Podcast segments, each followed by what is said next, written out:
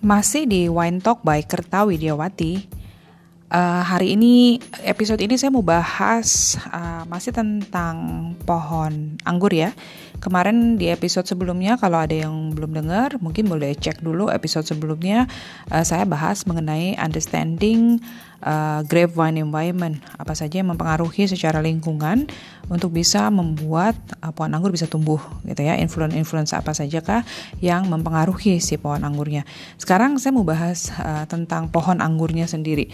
Kenapa sih jadi menarik gitu ya? Karena esensinya tetap sama. Dari kita bicara wine, uh, kita selalu bicara tentang uh, anggurnya. Uh, paling gampang ngomongnya good quality wine come from good quality grape. Good quality grape come from better vine growing area, better vine itself, better pohonnya sendiri. Jadi buah pasti datang dari pohon yang bagus gitu ya.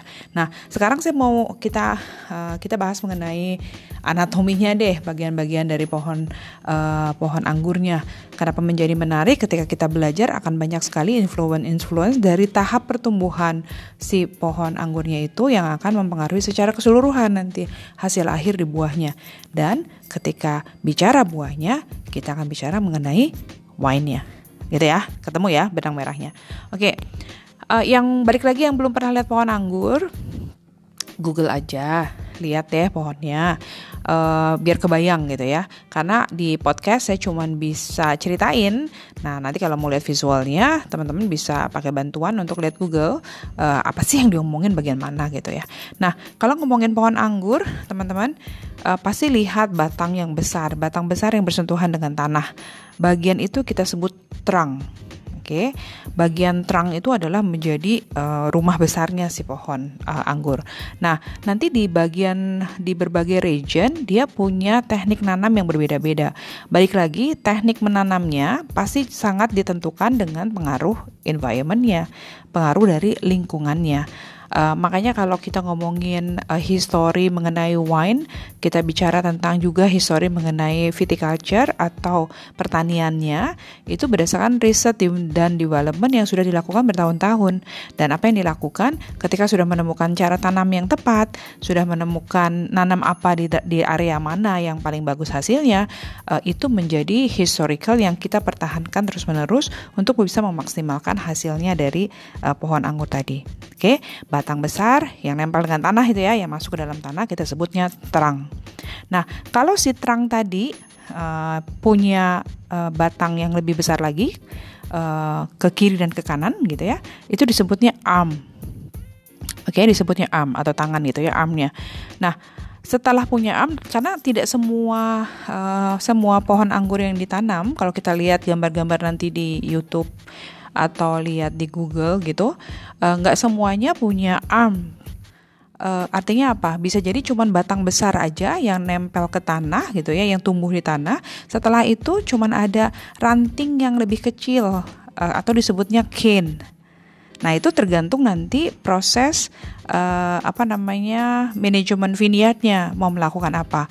Saya mau pakai batang besar dari trunk tadi, saya mau pakai arm atau saya nggak mau pakai arm, saya cuma mau pakai cane saja, ranting yang kecil.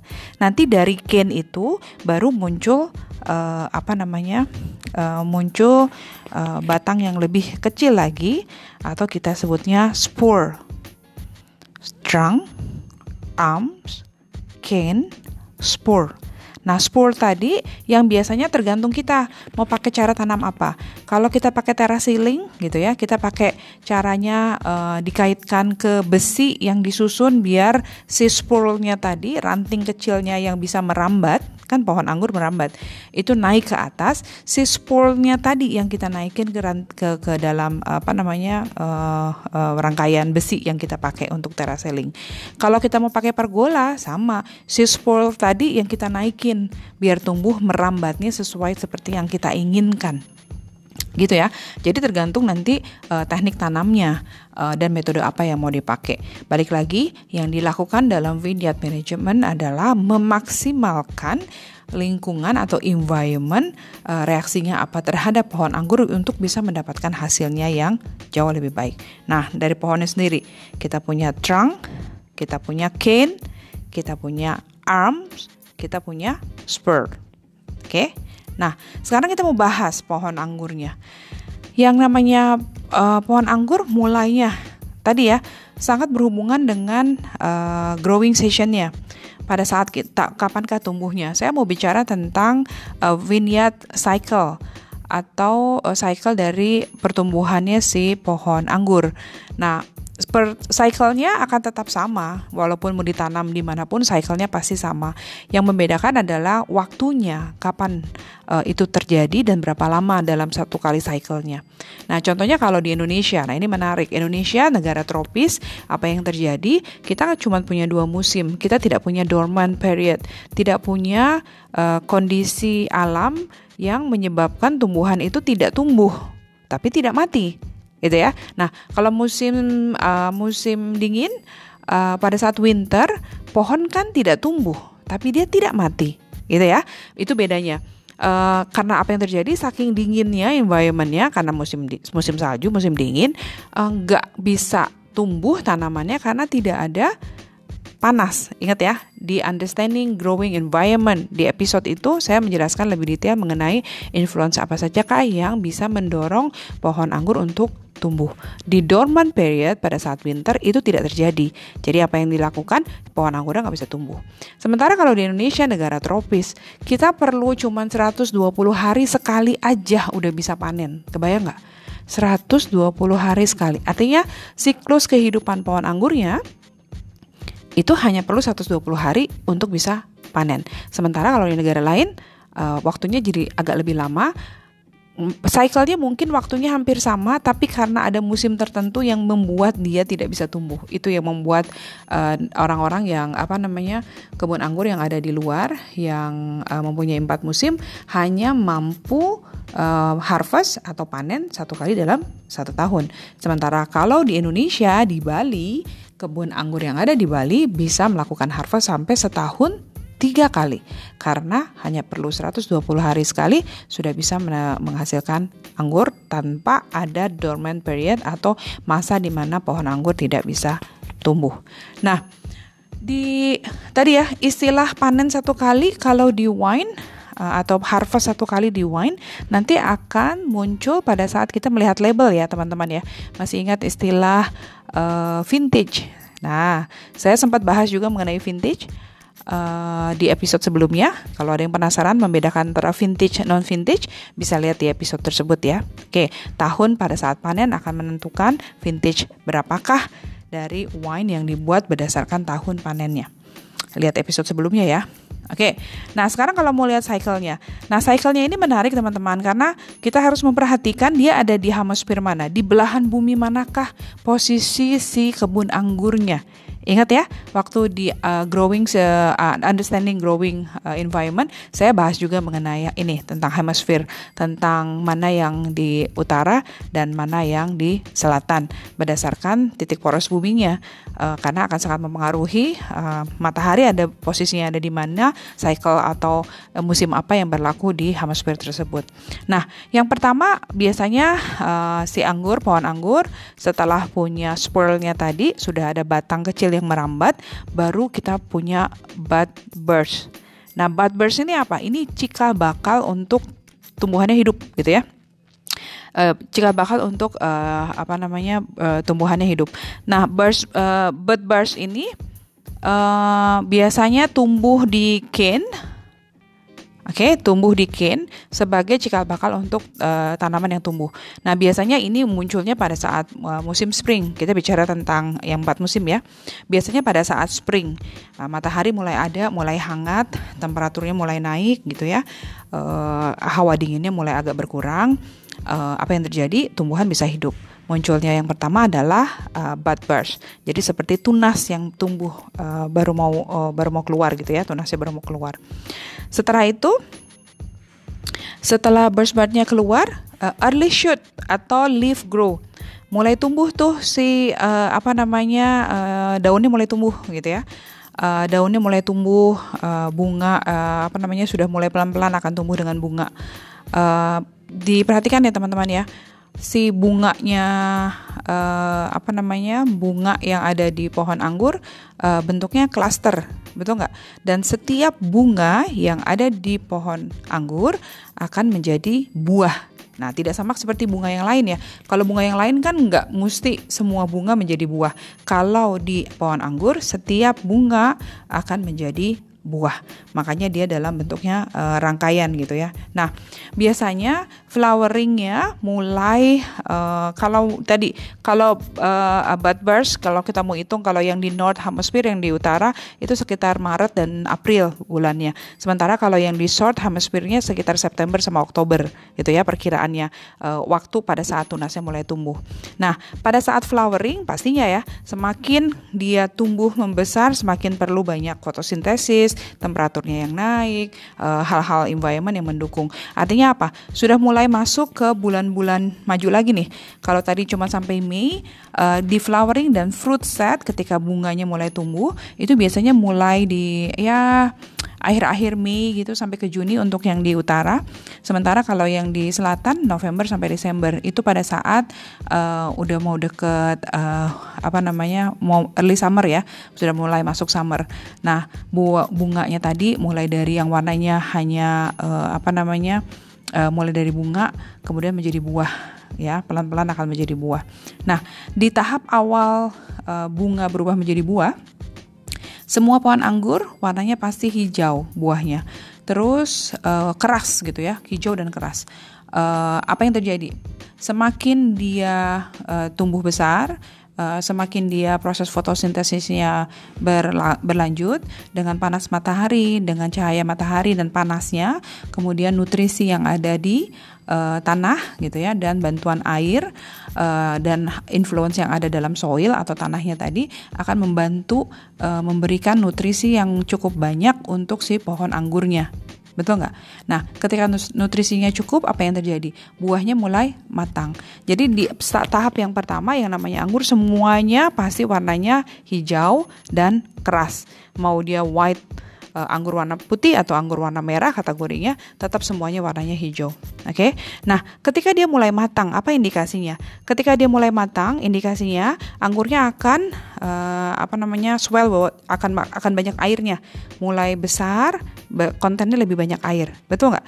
Nah, lebih besar, airnya lebih banyak. Setelah itu apa yang terjadi?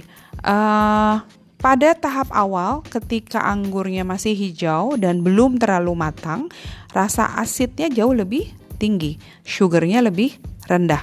Balik lagi, ketika proses fotosintesisnya berjalan, apa yang terjadi? Akar batang daun nutrisi dari keseluruhan environmentnya akan memberikan nutrisi yang banyak kepada buah anggurnya.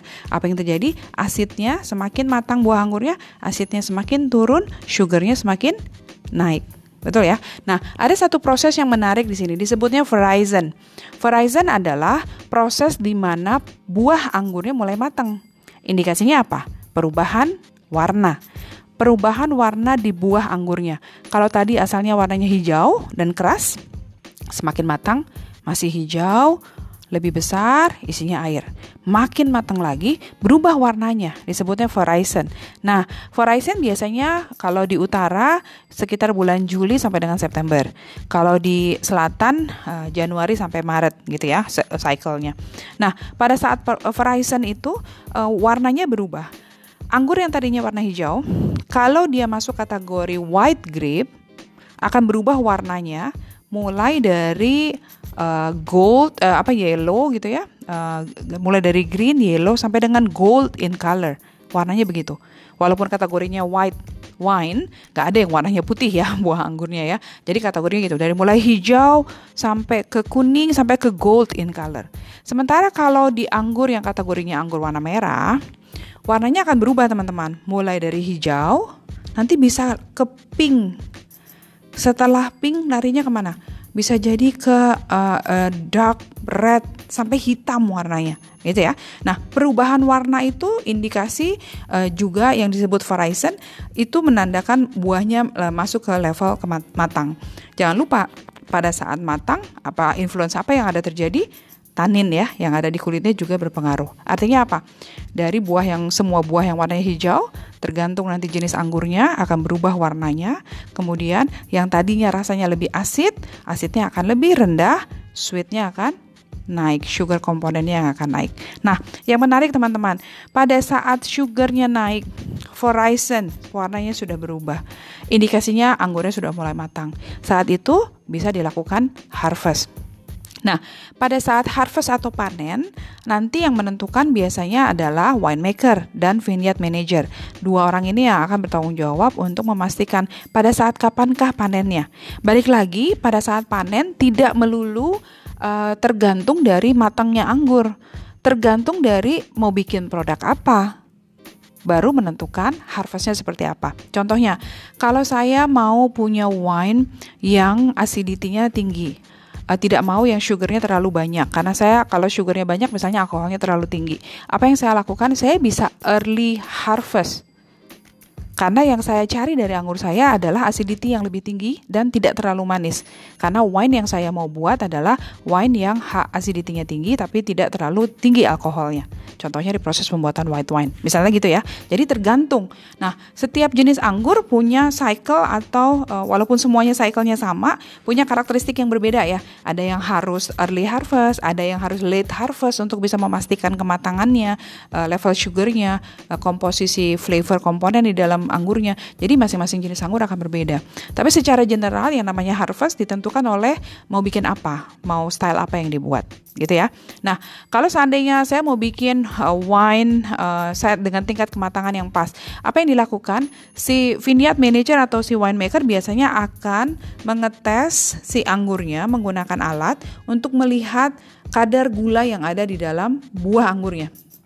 Jadi sebelum di harvest, selain dicicipi, dilihat juga ya, di, di, menggunakan alat untuk melihat berapakah level sugar yang ada di dalam anggur saya uh, untuk bisa uh, apa namanya pas sesuai dengan keinginan saya ketika membuat wine. Itu ada hitung-hitungannya tuh. Biasanya kalau sebutannya kalau uh, level sugarnya kalau nggak disebut bume, bisa juga disebut brick Nah, dua istilah itu uh, bisa uh, membantu winemaker atau vineyard manager untuk menghitung kalau sugar kontennya berapa buminya, berapakah level alkohol yang akan didapatkan, atau berapakah uh, apa namanya level sugar yang ada, berapa brick uh, level sugar yang ada di buah anggur saya, ekspektasinya nanti berapa persenkah uh, alkohol konten yang akan didapatkan pada saat selesai proses pembuatan wine-nya. Jadi nggak sembarangan hanya kapan aja diambil, gitu ya. Itu yang menarik mengenai uh, harvest. Nah balik lagi kalau tadi proses pembuatannya karena mau bikin wine-nya yang stylenya manis berarti apa? Harus memaksimalkan level sugar yang ada di buahnya. Artinya apa? Kita bisa lakukan late harvest. Kalau late harvest berarti telat ya dipanennya. Dibiarkan matang banget sampai sugarnya banyak baru kita panen nah harvest biasanya kalau yang di north Hemisphere itu sekitar September atau Oktober. Nah, kalau yang di South itu sekitar Maret sampai April. Makanya berbeda ya. Kalau kita bicara wine di Prancis sama wine di Australia, waktu panennya berbeda. Oke. Okay? Nah, setelah harvest apa yang terjadi? Dipetik semuanya, botak semuanya, baru winter, udah mau masuk winter. Nah, setelah harvest biasanya apa yang dilakukan?